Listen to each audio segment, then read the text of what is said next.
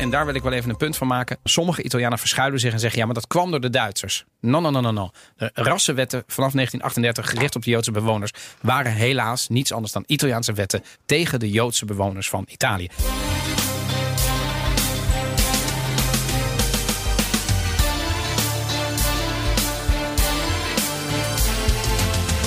Welkom bij aflevering 31 van de Italië-podcast. Ik ben Evelien Redmeijer. En ik ben Donatello Piras. En in deze aflevering gaan we het hebben over het fascisme.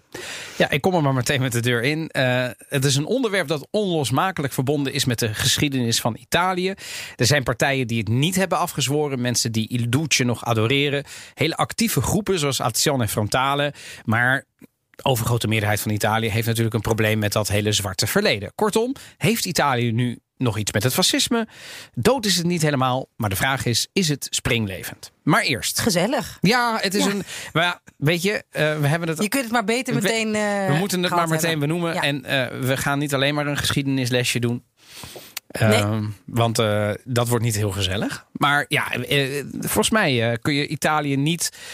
Er is vroeg of laat altijd wel iemand die roept Mussolini, toch? Ja. Als het gaat over Italië. Ja, of het nou gaat om de schandvlek van uh, ons land als. Maar hij heeft ook hele goede dingen gedaan. Dus het is goed dat wij ook uh, er uh, niet voor terugdeinzen en het vandaag over het fascisme gaan hebben. Maar ik wil voordat we überhaupt nog verder gaan Mhm. met drank, drankjes, Oh, uh, nieuws, het hoofdonderwerp, cultuurtips. Even memoreren dat een kleine week geleden ik bij jou in de studio was bij In de Middag. Ja. BNR in de middag. BNR ja. in de middag, waar jij uh, presenteert. Ja. Uh, en inmiddels doe je eigenlijk de Italië-podcast bij BNR er een beetje bij. Dat zijn jouw woorden, dat zou ik nooit zo zeggen.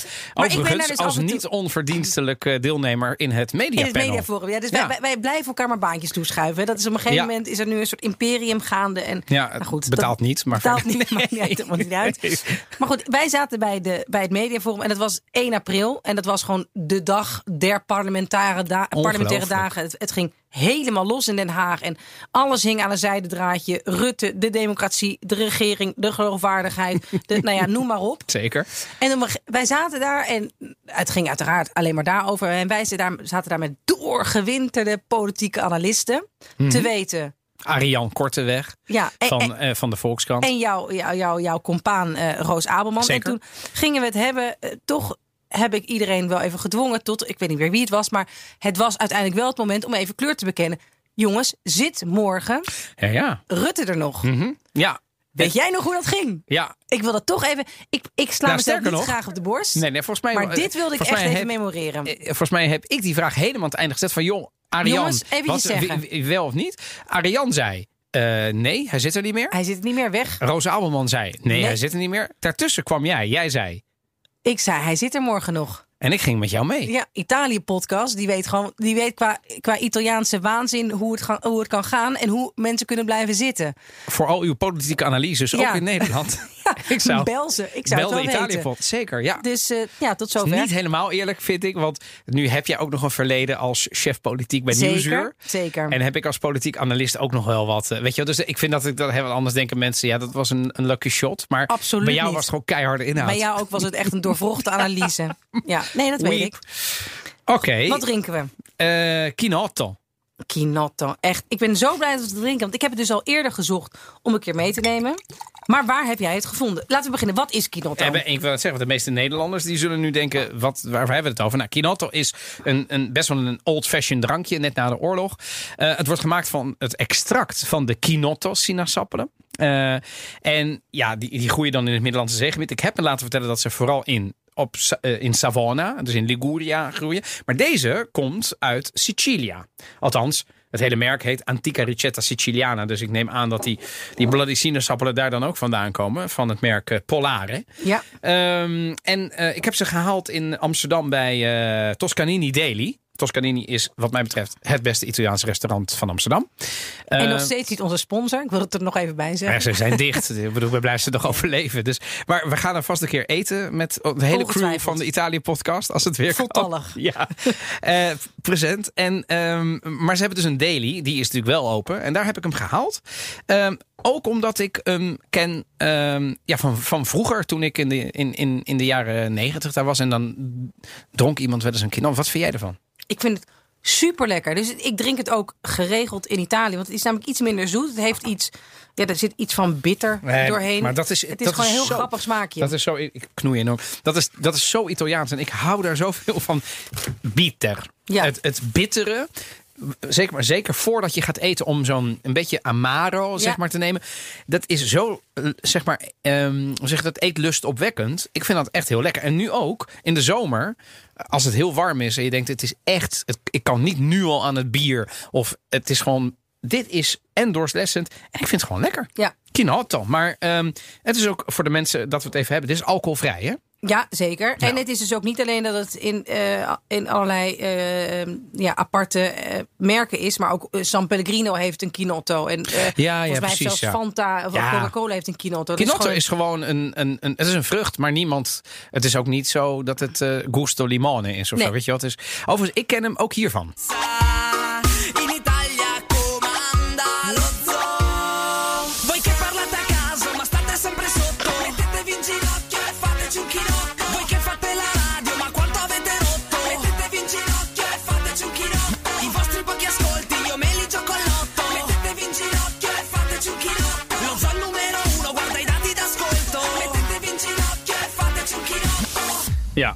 Ehm, dit is. eh, herken je dit?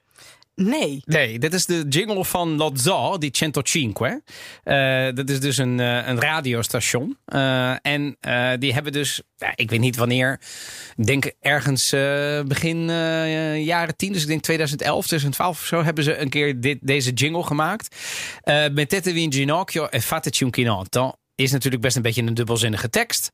Ehm maar dat was wel een beetje waardoor die Quinoto toch best wel een soort cultstatus kreeg de afgelopen jaren. Ik, vond het, eh, ik moest er meteen aan denken met Quinoto. Volgens mij ook omdat allerlei eh, lieden dat dan ook te pas en te onpas riepen. Soms heb ik van dat soort vrienden die dan dat soort grappen maken. Maar ehm, ja, dus het, is, ehm, het, heeft een beetje die, die status. Dus dat drinken wij. Quinoto. Dan gaan wij naar het nieuws. Althans, misschien even heel kort. Wat heb jij nou met Pasen gedaan? Want eh, we hebben natuurlijk een fantastische paasuitzending gemaakt. Ge- geweldige paasuitzending gemaakt. Ik heb niet naar de pauze gekeken. Heb jij naar de pauze gekeken? Eh, Urbi et Orbi Ja? heb ik gekeken. Ja, eventjes. Ja. En eh, ik wel eh, heftig. Ja, hij, hij had het over de, de vaccinaties. Ja, Waarover later meer. Maar, Ik wil eh, net zeggen, dat kolfje naar jouw hand. Ik, eh, Ja. ik, eh, En dank aan de het, oorlog. aan de, aan, ja, maar dat zegt hij ieder jaar. nou niet zo. Hij heeft ongeveer alle landen genoemd waar de oorlog Waar was. de oorlog was. En dat hij het schandalig vond dat in een pandemie... Er ook nog oorlog is. dat er ook nog mensen zijn die blijkbaar oorlog willen voeren. Dus toen dacht ik, ja... Bij de eerste dacht ik, ja, dat moet hij natuurlijk zeggen. Maar bij land 13 dacht ik, van, poeh, ja, je hebt wel een punt.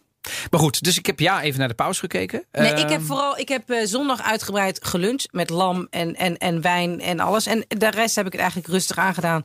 Want ik eh, kampte met allerlei symptomen. En die heb ik toen. Ik heb eindeloos veel eh, testen in mijn neus gehad. En ik heb het niet. Negativa. Negativa. Dus, Negativa. eh, maar ja, Ja. dat was. En bij jou? Ehm, ik was eh, ook. Eh, Ja? En ja, bij ons was het eh, eerste paasdag gerust. We, we durfden het toch nog niet aan om het met ouders en zo in, van een zekere leeftijd te doen. Helaas. Hopen we binnenkort in te gaan halen als er weer wat open mag. Ehm, en dus le- lekker thuis. En de tweede paasdag hebben we nog even geborreld. Maar wat heb je gegeten? Kom op. Een lam. Daar. Ik heb, eh, even kijken. ehm, eerste paasdag heb ik eh, ja, lam, eh, hoe heet het, lamsbout gemaakt. Op zijn Italiaans. Dus met sapori, met rosmarino en patate al forno. En met bietola. eh, gesmoord en zo. Ja, het was wel iedereen, iedereen, inclusief mijn kleuterdochter, vond Ik- het lekker. En ja, met een. eh, ik zit even te denken, wat voor wijn heb ik er nou bij gedronken? Volgens mij, oh ja, ik heb er een uit Alto Adige een eh, Pinot Nero. Niet dezelfde die. eh, Bij volgende week gaan nee, drinken. nee. Oké, dat weet ik ook al. Nee. Maar het nieuws. Wat is jouw nieuws? Laten we daarmee beginnen. Ja, eh, mijn, nou ja eh, mijn nieuws eh, gaat eigenlijk ook over Pasen. En het is dat bij een maffiabaas is de paatslunch hem helemaal fataal geworden. Het gaat namelijk over een maffiabaas die woonde in Brazilië. En hij kwam terug naar Italië, zeg maar. Eh, om, eh, om ehm, Pasen te vieren. We hebben het over Sicilië. En ehm, hij is daar dus zeg maar, ja, ze hebben hem dus gemonitord. En ze hebben hem dus, omdat hij daar met allerlei vrienden is gesignaleerd, hebben ze hem dus gearresteerd. En met hem rolden ze meteen allerlei andere vrienden op. Dus dat was een, een hele goede paaslunch. Niet zozeer voor hem, maar wel voor de politie. Dat vond ik dan toch wel weer een beetje in thema. Dat ik dacht, ja, eh, die politie zit daar toch niet stil. En die gek die zit al jaren op Brazilië. Komt hij één keer terug? Ja, het is wel briljant, hè? Nee, ja, Ah, ik vind dat, ik vind dat, ik vind Ja. dat, ik vind dat, ja, ik kan ook de humor daar wel van inzien. Dat zij eigenlijk al een tijdje van tevoren denken, hij gaat het doen. Volgens mij gaat hij, volgens mij gaat hij Ja, doen. want dat moet natuurlijk wel, dat moet natuurlijk wel gebeuren. Dat zo iemand dan wel denkt: ehm, ik, ik ga gewoon naar Italië. Ja, van ja, ik heb Toch? nu al te lang gewacht. Ik kan al eindeloos niet terug voor Pasen. Ze eh, zullen me. zoals, zoals nu mijn zijn moeder, ze me vergeten. Zoals mijn moeder dan eh, de, de lunch maakt, dat ga ik gewoon niet nog een jaar missen. Dat- en dat je dat dan fataal wordt. Ja, jij, vindt dat, jij, vindt, jij, jij zit daar wel een, stukje ja, humor van ja, in, toch? ik kan de ironie ja. daar wel van inzien. Ja. Ja, ik, ik, voor hem is het niet zo leuk hoor. Nee, nee dat, dat ben ik met je eens. Sorry. Maar ja, en, hij moet dus ook, weet je, hij is dus uh, flagrante en eh, op hete daad betrapt. In de zin, eh, ja, volgens mij was hij ook nog met allerlei vrienden allerlei ehm, eh, zaken aan het, aan het uitwisselen. Dus hij is Giuseppe Cal- Calvaruso, heet hij. Calvaruso, moet ik zeggen. Niet Calvaruso, Calvaruso. Rientra dal Brasile per il pranzo di Pasqua è arrestato. En ze hebben het over la potente famiglia con interessi economici internazionali. Dus dit is wel... Een machtige we- we- familie ja, met belangen wereldwijd. Een, een grote vis, zeg ik. En jouw nieuws? Ja, mijn nieuws is eigenlijk, het gaat over de, de vaccinaties, waar de paus, eh, wat de paus net al mooi inleidde. En eigenlijk in het kader van, het is natuurlijk hier hemeltergend en godsgeklaagd eh, hoe dat hier gaat in Nederland. Eh, maar om dat niet ieder gras bij iedere buurman op dit moment groener is. Maar dat Oh. het bij Italië misschien wel een stuk geler of wel bruin is. Want ja, in Italië gaat het, eh, gaat het ook heel slecht met de besmettingen. Maar vooral met het, ster- met het, met het, eh, met het aantal eh, sterfgevallen, wat daar nog steeds ontzettend hoog is. En dat komt waarschijnlijk vooral omdat daar een bepaald voordringbeleid is dat allerlei mensen. Of het nou is omdat ze bij de politie werken, of omdat ze eh, advocaten zijn, of rechters, allerlei kasten, zoals je ze het beste kan noemen, hebben geclaimd en hebben afgedwongen dat zij eerder een vaccinatie krijgen. Dus die Maar- lobby heeft in Italië, die hier niet gewerkt heeft. Nou ja, hier heeft hij alleen gewerkt voor het medisch personeel. Want Ja, daar maar niet al- voor het onderwijs, voor de Exact, politie. en in exact, Italië hebben exact. ze daar dus wel naar geluisterd. Zeker, zeker. En, en nu is het zelfs zo dat 32% van de vaccinaties die zijn gezet. Eh, en ze tellen dus eigenlijk vooral vanaf 80 plus 9. Die zijn naar anderen gegaan, naar others gegaan, zoals het in het overzicht staat. Others, ja, mooi. Ja, en dat gaat dan helemaal dat het dat er schijnt een. Maar een dat kun burger- jij ook zijn. Dat kan ik ook zijn. Eh, er zijn allerlei dertigers eh, eh, die gevaccineerd zijn. Dus er kwam in een hele Twitter-tweet van Antonello Guerrera, Oh ja, eh, een, Amer- een journalist, Engels, ja, een journalist, een Engels eh, eh, twitten- eh, twitterende eh, journalist uit Italië. Ja, die had allemaal voorbeelden van mensen die dus 80 plus eh, grootouders hadden, 90 plus grootouders hadden, maar wel zelf al gevaccineerd gevolgd. Die waren. man is woedend, hè?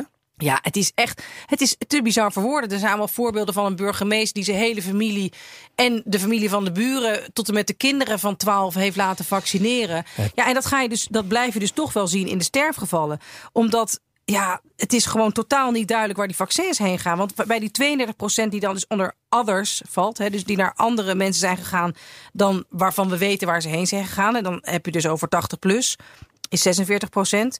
11,5 procent zijn, de, eh, zijn de leraren en de schoolstaf. Wat, wat daar dus wel gewerkt qua lobby. En 6,3 procent is dan eh, is het medisch personeel. Maar het is... Ja, er wordt gewoon met een soort ellebogen, achterkamertjes. eh, Wel heel Italiaans. heel Italiaans. Sorry dat, dat, Ja. dat, dat ik het moet zeggen, maar dit is natuurlijk is wel. Io conosco dai mio Ja, figlio exact. lì perché lui poverino, se no non può. Ma certo, dai, fallo quando, quando può domani, va bene, dai. Ja, nee, nee, dat organiseer ik wel eventjes. Regel ik wel Ci penso io, però non dire niente a nessuno perché sai. No, no, no, ma figurati. Hup. Ja. En dan zitten weer drie prikken in, een, eh, in, in, in andere armen, zeg maar. Nee, dus het is, het is, nou ja, dat, wordt, dat wordt op veel te lokaal niveau wordt dat geregeld. Worden die prikken ge- eh, verdeeld. En ja, daardoor zie je dus wel wat, wat, wat dat doet met, met het eh, gebrekkige vaccineren van die, van die kwetsbaarste, eh, kwetsbaarste groep.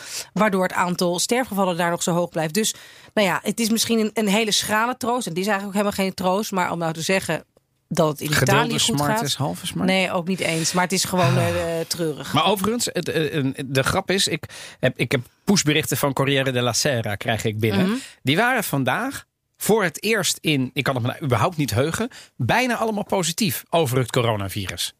Dus dat vond ik, coronavirus vandaag, normaal zo'n 20.000 besmettingen en meer. Vandaag 7.000. Ik dacht, oké, is het dan eindelijk aan het dalen? ja, of Eh, mensen zijn heel matig eh, naar de teststraat Nou, maar dat zou dan één dag moeten zijn, want het scheelt 13.000 met gisteren en nog Ja. meer. Vaccini, entro domani, un milione e mezzo di dosi Pfizer alle regioni. Oké, Ja, dus maar dan gaan, ze naar de, dan gaan ze naar de provincies. En wat er vervolgens mee gebeurt, weten we niet. gaan ze weer in armen van mensen. Maar goed, Ja. weet je, als dit dan maar lang genoeg doet, uiteindelijk zijn ze al de 60 miljoen. Eh L'immunologo Mantovani, entro l'anno potremmo avere una cura per il Covid. Dus binnen het jaar, dat is een beroemde immunoloog in Italië, zegt, zouden we wel eens de, een kuur kunnen hebben. Dat is nog beter dan een vaccin, zeg maar. Dan, dan, althans, weet ik niet. Is dat beter? Nee. Maar weet Ja, je, ja, dus ik ik zou- dacht, ik en toen dacht ik, en vanaf 20 april gaan ze daar het land. eh, Wij, wij waren vandaag heel blij met allerlei misschien. Daar gaan ze het land gewoon vanaf 20 april een beetje opengooien. Maar met deze vaccinaties maak ik me daar wel zorgen over. Ja, we gaan het meemaken. Mama, mama. We gaan het hebben over ons hoofdonderwerp. En dat is, zeg ik heel vrolijk, eh, het fascisme. Ehm, en em, laten we dat inluiden met een eh, lied wat in die tijd beroemd was onder aanhangers van het fascisme.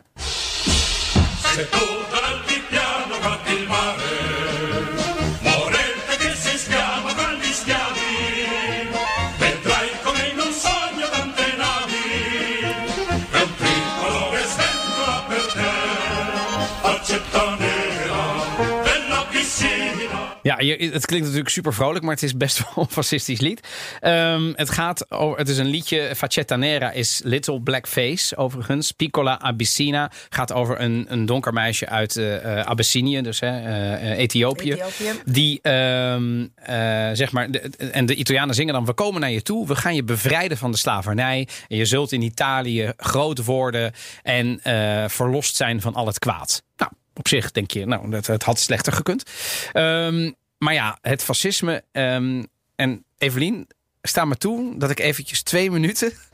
Ja, dat wil jij heel graag, dat weet ik. Maar dat is goed, want de, de Italië-podcast is niet, maar, niet alleen maar om te lachen. Helaas niet. En ehm, ik wilde heel kort de geschiedenis van het fascisme in Italië even neerzetten. Begint rond de maatschappelijke onlusten in de jaren 1919, 1920. Dat is dus 100 jaar geleden. En toen was er ook al, ehm, ook al zeg ik omdat we dat van alle tijden kennen, maatschappelijke onvrede bij vooral arbeiders en boeren. Die niet echt hebben geprofiteerd na de Eerste Wereldoorlog. En slachtoffer zijn van de economische malaise. De middenklasse, die moet er niets van hebben. Die komt juist uit de socialistische protesten. En en dan komt Mussolini eigenlijk om de hoek kijken. Nou, toen kwamen de eerste ploegen van eh Le Camicenere. va- Vast wel eens van gehoord. De zwarthemden. ehm, de aanhangers van het fascisme. En die worden eh, eigenlijk ehm, ehm, eh, neergezet. Ja, dat zijn, het zijn niet echt knopploegen, maar dat zijn het op een gegeven moment ook wel geworden. En het voornaamste doel van die knopploegen en van die mensen is links. Hè, de linkse groep. De middenklasse sympathiseerde snel met het fascisme, vooral uit haat tegen het linkse activistische socialisme. En werkgevers die waren juist bang, hè, dus de middenklasse en de werkgevers, voor stakingen en steunden daardoor openlijk het fascisme. In 1921, dus dat is alweer later, komen ze in het parlement, de fascisten, met steun. En in 1922 is die beroemde Mars van Rome met 25.000 daar. En Mussolini is eigenlijk nog op dat moment een hele kleine partij. Maar die wist de toenmalige koning Victor Emmanuel te chanteren om, om de macht te grijpen. En die begon toen met allerlei toespraken vol bedreigingen en haat. We gaan geen, ik had besloten, Evelien, geen Mussolini toespraken te doen. Heel vandaag. goed. Want, ehm, Maar ja, in 1924 24 wint hij dan ook de verkiezingen. klopt. En eh, de socialistische politicus Matteotti. Ja. En je ziet het eigenlijk in iedere dorp en stad zie je wel pleinen en stratennamen. genoemd. Die veroordeelde dat in een toespraak en tekende eigenlijk zijn doodvonnis. Want hij werd vervolgens vermoord. En later nam Mussolini hiervoor de verantwoordelijkheid Het is op eigenlijk de, een van de, van, de, van de eerste politieke Ja. moorden echt in Italië. Matteotti is gewoon vermoord door de fascisten. Ja, en daarna gaat het vrij hard. Want het, dat was eerst nog een redelijk normale politieke partij. Maar er komen al snel fa- fascistische wetten vanaf 1925. Geen stakingsrecht, geen persvrijheid meer. Er is een verplichte trouw aan het regime. En er is geen stemgeheim meer. bizar. Belangrijk. Waardoor 99% zogenaamd vrijwillig op de fascistische partij stemt. Maar ook op de scholen hangt vervolgens overal il douche, hè? Ja, de leider. Ja, en eh, dat heeft Mussolini eigenlijk gedaan. Dat is een rode draad door zijn heerschappij. Veel gelijkenissen met de Romeinse keizers. Dus hij heeft hij, de, de groet. eh, ze stonden natuurlijk allemaal met gestrekte gebalde. Dat is heel erg het, het, het oude Romeinse groet. En in 1929 heeft hij ook een akkoord met de katholieke kerk. Het is eigenlijk een soort vredesverdrag. Dat ze elkaar blijven gedogen met Pius XI. Maar het duurde niet zo lang vanwege die fascistische wetten die jij dus noemt. Ehm, waardoor die die kerk natuurlijk daar aan alle kanten weer van moest terugkomen en rebelleren. Dus dat is nooit een goed huwelijk geworden. En toen kwam de kolonisatie van Ethiopië, van Somalië, van Eritrea. En mijn beide opa's hebben gevochten in Noord-Afrika. Dat vind ik heel bijzonder. Ja, Ja. ja. Eh, zowel aan mijn vaders kant als aan mijn oom. En dat was natuurlijk, die, die waren gewoon dienstplichtig. Ja. En, en alle mannen waren gewoon in het Italiaanse leger. En dat koloniseren, da- daar, daar, werd, eh, ja, daar, werden ze, ehm, ehm, da- daar werd serieus werk van gemaakt. En een van mijn opa's, aan vaders kant, die is ook krijgsgevangen genomen door de geallieerden. En heeft zeven jaar in, eh, in, in de UK, in Noord, eh, in Engeland gezeten. Of in Schotland eigenlijk. Oh ja. Ja, dus mijn vader heeft zeven jaar zonder zijn vader, hè, dus mijn opa daar. Ja. En daarna mocht hij terug. Overigens eh, eh, de- werden ze daar wel goed behandeld Mhm. en zo. En hebben ze daar ook, volgens mij hebben ze daar zelfs allerlei enclaves en kerkjes en zo gesticht en zo. Dus dat is nu tegenwoordig nog een soort romantisch overblijfsel. Maar die kolonisatie was wel heftig. Komen vervolgens internationale sancties, want de wereld vindt dat zeker hè, niet, niet oké. Dus Italië moet zelfvoorzienend worden, omdat er minder import is. En de as Rome-Berlijn ontstaat. Dus er wordt een verbond gesloten met Hitler. Komen rassenwetten vanaf 1938. En daar wil ik wel even een punt van maken. Heel veel Italianen, nou ja, heel veel Italianen, sommige Italianen verschuilen zich en zeggen: ja, maar dat kwam door de Duitsers. No, no, no, no, no. De rassenwetten vanaf 1938 gericht op de Joodse bewoners waren helaas niets anders dan Italiaanse wetten, antisemitische wetten tegen de Joodse bewoners van Italië. Er was, kwam geen Duitser helaas aan te pas. En ik zeg helaas, omdat ja, dat heeft Italië toch echt zelf gedaan. Eh, Italië gaat meedoen met de Tweede Wereldoorlog. Er komt pas in 43 een einde aan het fascisme. En op 28 april wordt eh, Mussolini opgehangen op zijn kop op een plein, volgens mij in Piazza Loreto uit mijn hoofd. Ja, met zijn vrouw. Of, of volgens mij niet zijn officiële vrouw, maar zijn... eh, Loretta Petacci. Met of zijn, het? Claretta eh, Petacci? ja, Claretta. Claretta. Ja, nou en die partizanen, hè, de- de- de- die, die waren altijd in strijd met de fascisten. En in de Tweede Wereldoorlog werd het volgende lied heel populair. En inmiddels kennen we het van iets anders. Stamattina mi sono alzato. Bella ciao, bella ciao, bella ciao, ciao, ciao. Stamattina mi sono alzato e ho trovato l'invaso. Oh partigiano, Ja, nou ja, dus eh, via. het Bella Ciao. Bella ciao, bella ciao, Maar dat is, dit is zo'n... partigiano. Nou ja, het is en een prachtig nummer. Aan de ene kant wel. Het is, een, het is een heel mooi nummer, maar het is inmiddels ook echt een soort verzetslied. Het, het is ook eh Matteo Salvini op allerlei plekken waar hij kwam, gingen mensen dan op luchthavens, gingen dat naar hem zingen. Dat is als bizar een soort, eigenlijk. Als een soort hè? verzetsdaad. Wat heel gek is. Ja, Dat ja. je Bella Ciao, een partisanenlied, Ja, tegen Matteo Salvini. Je kunt veel van hem zeggen, maar hij is niet links. nee. Eh, Nee, weet maar, je, maar dus als het is- anti, hè? Als anti, als protest zongen ze dat tegen hem. Oh, Dus als dat- protest? Ja, ja, ja. Oh, oké. Ik dacht als een soort aanmoedigingsnummer. Nee, nee, nee, ik dacht al, wat is er, de, de wereld wordt gek. Oh, oké. Ja, ja, nou ja, dat snap ik dan wel Zeker. weer. Ja, maar toch, ja, dan gingen mensen dat zo zingen. Overigens, op mijn huwelijk in Italië eh, was dat toen Casa- 2018. Dus dat Casa Casa Papel was soort van op de hoogtijdagen op Netflix. Dus je had Dus- ook de hele partisanen nummer. Er waren allerlei vrienden die dus dat partisanennummer aan het zingen was. En ik weet nog dat mijn, een van mijn ooms... Maar jouw Italiaanse familie moet het toch heel raar hebben Nou, ik- gevonden. wel een redelijk linkse oom. Maar die vond het maar wat mooi. Dus Ja, die die heeft alle oh. woorden laten spellen aan die Nederlandse vrienden van Ah, mij. ja. Waardoor ik op het toilet was en ineens hoorde dat ze daar zeg maar, het nummer aan het oefenen waren. een soort surrealistisch. Het is een partisanenlied, jongens. Weet je wel. Ja. Maar het is logisch. In het buitenland hebben ze natuurlijk niet de, het gevoel, de connotatie die de Italianen erbij Nee. hebben. Overigens, ze zeggen heel vaak het communisme is het tegenovergestelde van het fascisme. Dat is niet waar. Het tegenovergestelde van het fascisme is democratie.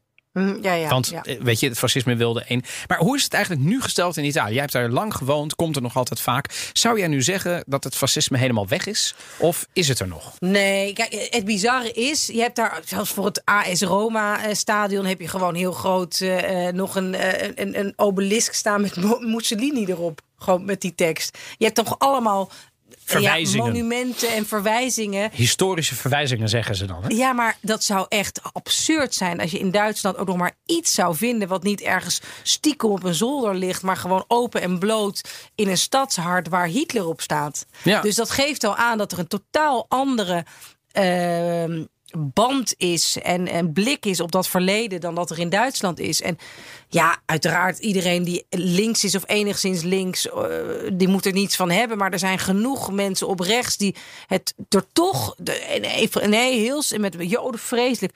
Maar, Maar- ja, Hij heeft ook goede dingen hij gedaan. heeft ook goede Toch? dingen Dat is altijd. Ja, ja. treinen reden op tijd en hij heeft ook allemaal grote eh, projecten opgezet. Ja. Maar er is dus toch Maar een wat bepaald... is dat toch? Dwepen ze daar dan mee, denk je? Is dat een. eh, Ja, kijk, het is ook.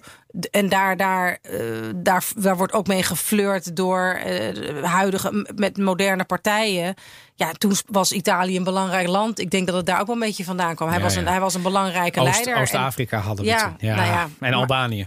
maar dat, dit, dit, dit, is, het, is er, het is er zeker nog. En dat, dat, ja, dat maakt het ook wel heel fascinerend. Ook wel heel, heel erg heel pijnlijk of zo. Ja, ik ben ook in, in Predapio geweest. Dat is de plek waar die begraven, eh, begraven is. Ja, dan zie je allemaal van dat soort jonge jongens daar nog een soort goed brengen. Allemaal winkels waar je...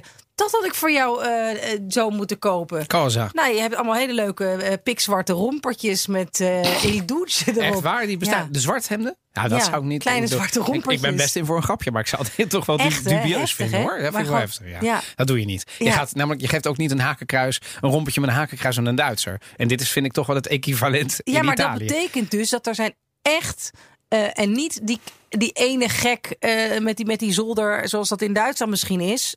Overigens in Duitsland er ook wel iets meer zijn. Maar Maar, dat zeggen inmiddels. eh, ja, maar, ik. maar in Italië is dat dus. Ja, is wel het wat salonveger? Zou je ja, dat kunnen nou, zeggen? Ja, ja, wel Ja, iets. overigens, jij hebt ooit een, niet zo lang geleden overigens, als, eh, toen je nog Italië-correspondent was voor RTL Nieuws, heb je ook een repo gemaakt. Eh, laten we daar even een stukje naar gaan luisteren.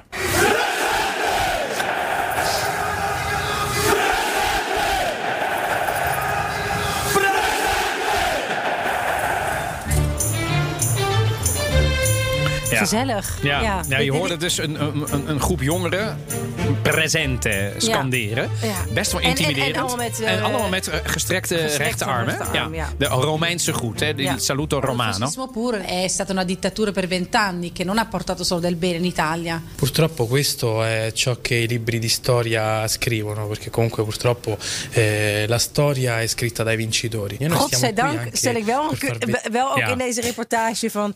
Ik vraag hier God maar even over, nog heel even over Mussolini. Toch even terug. Ja, zo mooi. Ja, ja. Want die kwam daar dus in een soort, soort, ja, in een soort eh, clubhuisachtig, waar je dus overal Was posters het van gewoon Mussolini openlijk? zijn. Nee, ja, dat was. eh, ik had dit afspraken besloten? besloten. Ik had er afspraken mee. En zij gingen dan dat soort rondes eh, doen door de, door de, buurt. Zogenaamd om de buurt te beschermen. Ja, ook echt niet oké. Nee. Leuk voor die Ehm, buurt. Ja, nou ja, ja, leuk voor die buurt. Dat was dan een buurt waar er dan gedeeld werd. En dan zorgden zij dat dat niet gebeurde. Dit is Rome. Buitenwijken van Rome. En nou ja, zij waren daar ja, heel aardig. We kregen pizza en ze waren uiterst vriendelijk. Dat- Dat is op zich ook wel een ervaring die je dan, die je dan hebt. Eh, en op, op meerdere plekken, dat ook al, zijn, al hebben mensen echt hele vreemde ideeën, dan kunnen ze nog steeds heel vriendelijk zijn en je Ja. pizza aanbieden. Maar toen heb ik wel gevraagd van, god, maar heel even nog terug naar Mussolini. Die heeft toch niet alleen maar goede dingen gedaan. Die heeft ook allemaal wel de- de- heel veel mensen de dood ingejaagd. En zijn antwoord was? Ja, ja, maar ja, dat is wat ze in de geschiedenisboeken schrijven. En wij zien dat toch echt wel anders. Ja. Nou, en dan zei, helaas wordt de geschiedenis geschreven door oh de ja, overwinnaars. ja. En Ja, die ja, hebben dat- het dus helemaal fout. Want dat klopte natuurlijk. Dus dat is wel interessant. Ja, dat zij er zo naar kijken. Want dit waren allemaal ja, jochies van 16, 17, 18... die gewoon ja, een beetje een stoere club eh, nodig hadden. Ja, stoere club. Mijn hemel. Nou ja, in, in hun ogen. Ja. Maar ik heb dit dus. Ik, ik, jij weet dat ik heel veel in Veneto ben geweest. Daar heb ik ook heel veel gewerkt. En ik weet nog in. Volgens mij was dit in 2004. Heb ik een voetbalwedstrijd gezien tijdens de toenmalige EK. En ik, dit was een meest bizarre eh, wedstrijd die ik me nog herinner. Om de volgende reden. De supporters waren eigenlijk onder te verdelen in drie verschillende groepen. De Italiaanse supporters die keken. Het was een wedstrijd tegen Denemarken. Dat doet er verder niet toe. Want je denkt dan, nou, dan zijn we allemaal voor Italië. misgerekend. Je had een groep die bij het volkslied vooraan stond met gestrekte arm il saluto romano te brengen. Dus die, zeg maar, ik, dan vind je het volkslied een stuk minder mooi ineens. Als je dan, zeg maar. Vervolgens had je een groep mensen die daartegen waren. Die waren voor Denemarken. Want dit zijn allemaal nep Italianen. Want die waren van de Lega. Die wil, toen wilde de Lega zich nog afscheiden. Dus die waren de hele tijd aan het, aan het, aan het uh, tifaro, zeg je dat, aan het juichen voor de tegenstanders. De Italianen waren alleen maar kut. En, dat, en vervolgens had je nog een derde groep, waar ik dan onder behoorde. Dat waren dan gewoon, Gewoon de, toes- simpele, simpele. Ik dacht, Die gewoon, ja. Forza Italia. Maar die kwam er niet tussen, want het was of, weet je wat. Dus een van die Romeinen riep, van die, eh, hoe heet het, van die, van die rechtsextremisten riep ook de hele tijd, morire!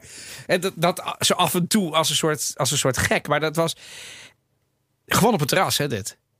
Het was bizar. Gewoon Lago di Garda, ergens in een, in een dorpje. En je ja, dacht, maar sowieso dat hele fascisme, neofascisme, eh, dat, mia. dat zit in, die Italia, in dat Italiaanse voetbal echt wel diep geworteld. Hè? Dat is natuurlijk, hebben we in Nederland dat ook wel eh, deels, of in, maar in een stuk mindere mate dan in Italië, waar eh, club, clubs als eh, Verona, Hellas Verona, die echt club is heel erg be- beroemd. om. Hellas. Maar ook eh, Lazio. uno organizzerà de- un viaggio annuale per eh, onestamente presso la ahimè, eh, Auschwitz.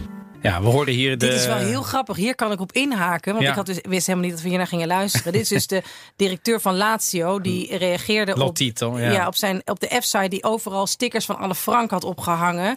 Als een soort...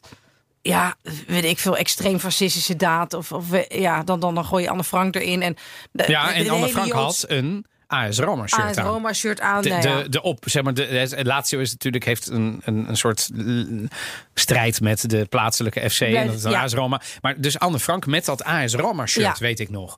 En, en toen, Ja, dus, dus wij zijn tegen Joden. Dat was precies. dus het, he- ja, Nou, de hele Joodse gemeenschap in Rome op, op, eh, op zijn, eh, op zijn achterste poten en terecht. Van Anne Frank blijf je af en terecht. Nou, en toen reageerde dus deze Lazio-directeur met deze tekst. Vanaf nu gaan we ieder jaar een bus regelen die naar Auschwitz gaat. En, de- en ik heb, dit is al in 2017, ik heb gewoon iedere twee maanden heb ik naar die club gemaild van...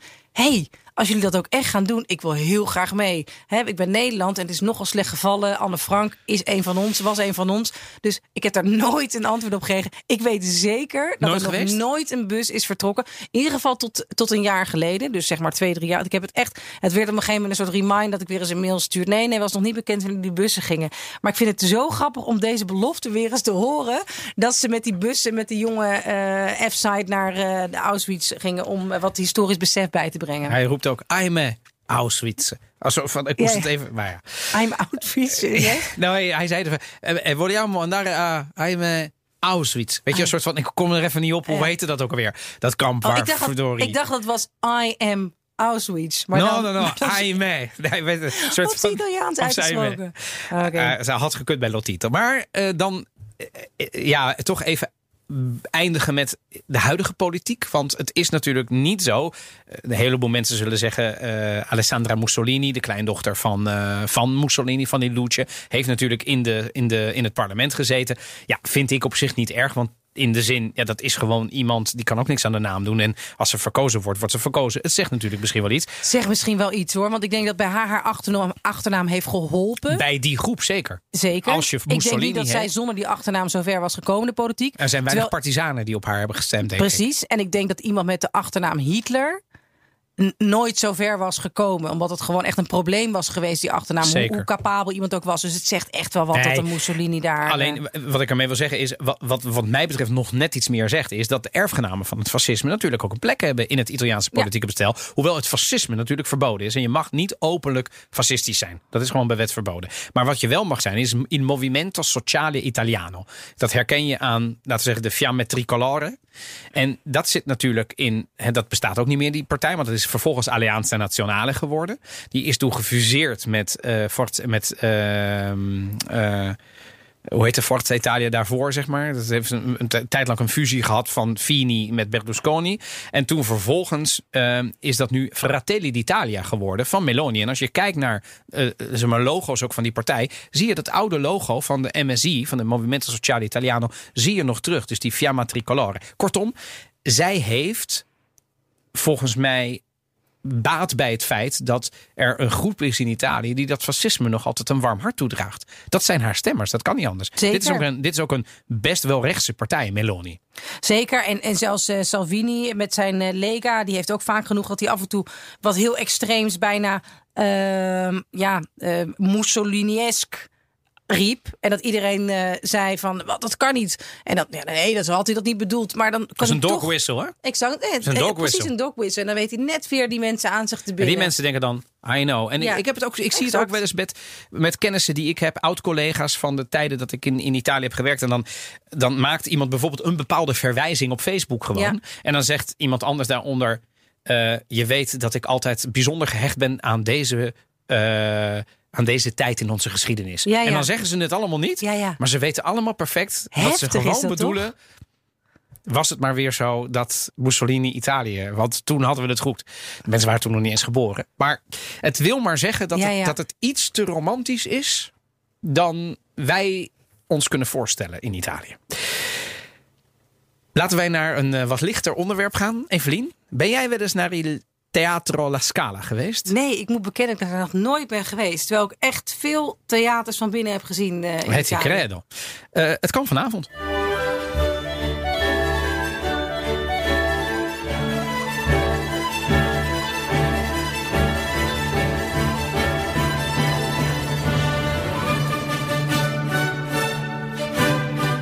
Ja, we gaan het hebben over cultuur. En je kunt vanavond nog naar theatroalascala.org. En dan kun je kiezen voor oude concerten. Waaronder deze, die is van afgelopen eerste paasdag.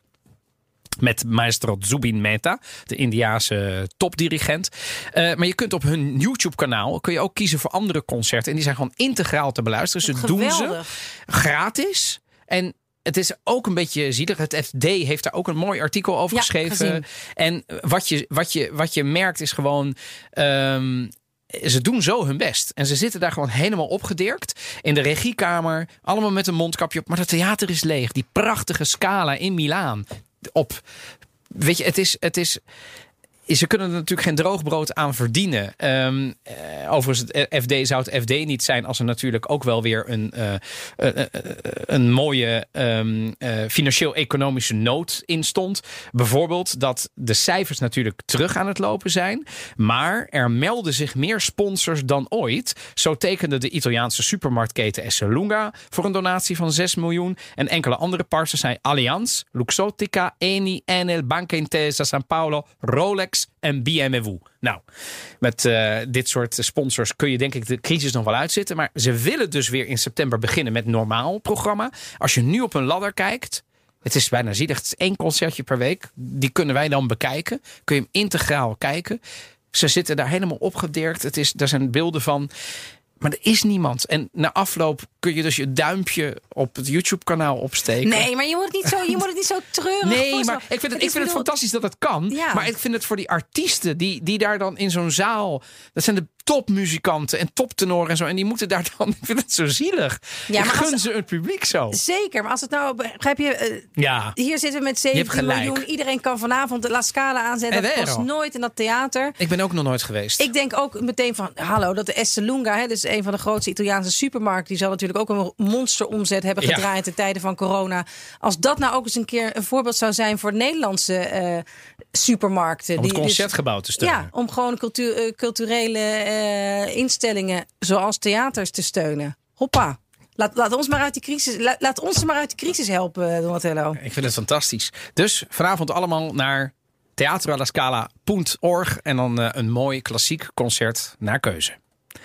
En dan zijn wij alweer aan het einde van deze aflevering 31. Evelien, wat gaan we de volgende keer doen? Ja, volgende keer gaan we het hebben over bambini. Oh, Hoe voed je bambini. kinderen in Italië op? Hoe in Nederland? En wat zijn de verschillen? En ik ben vooral, Donatello, benieuwd. Hè, jij zit toch een beetje tussen die twee culturen in. Mhm. Hoe doe jij dat?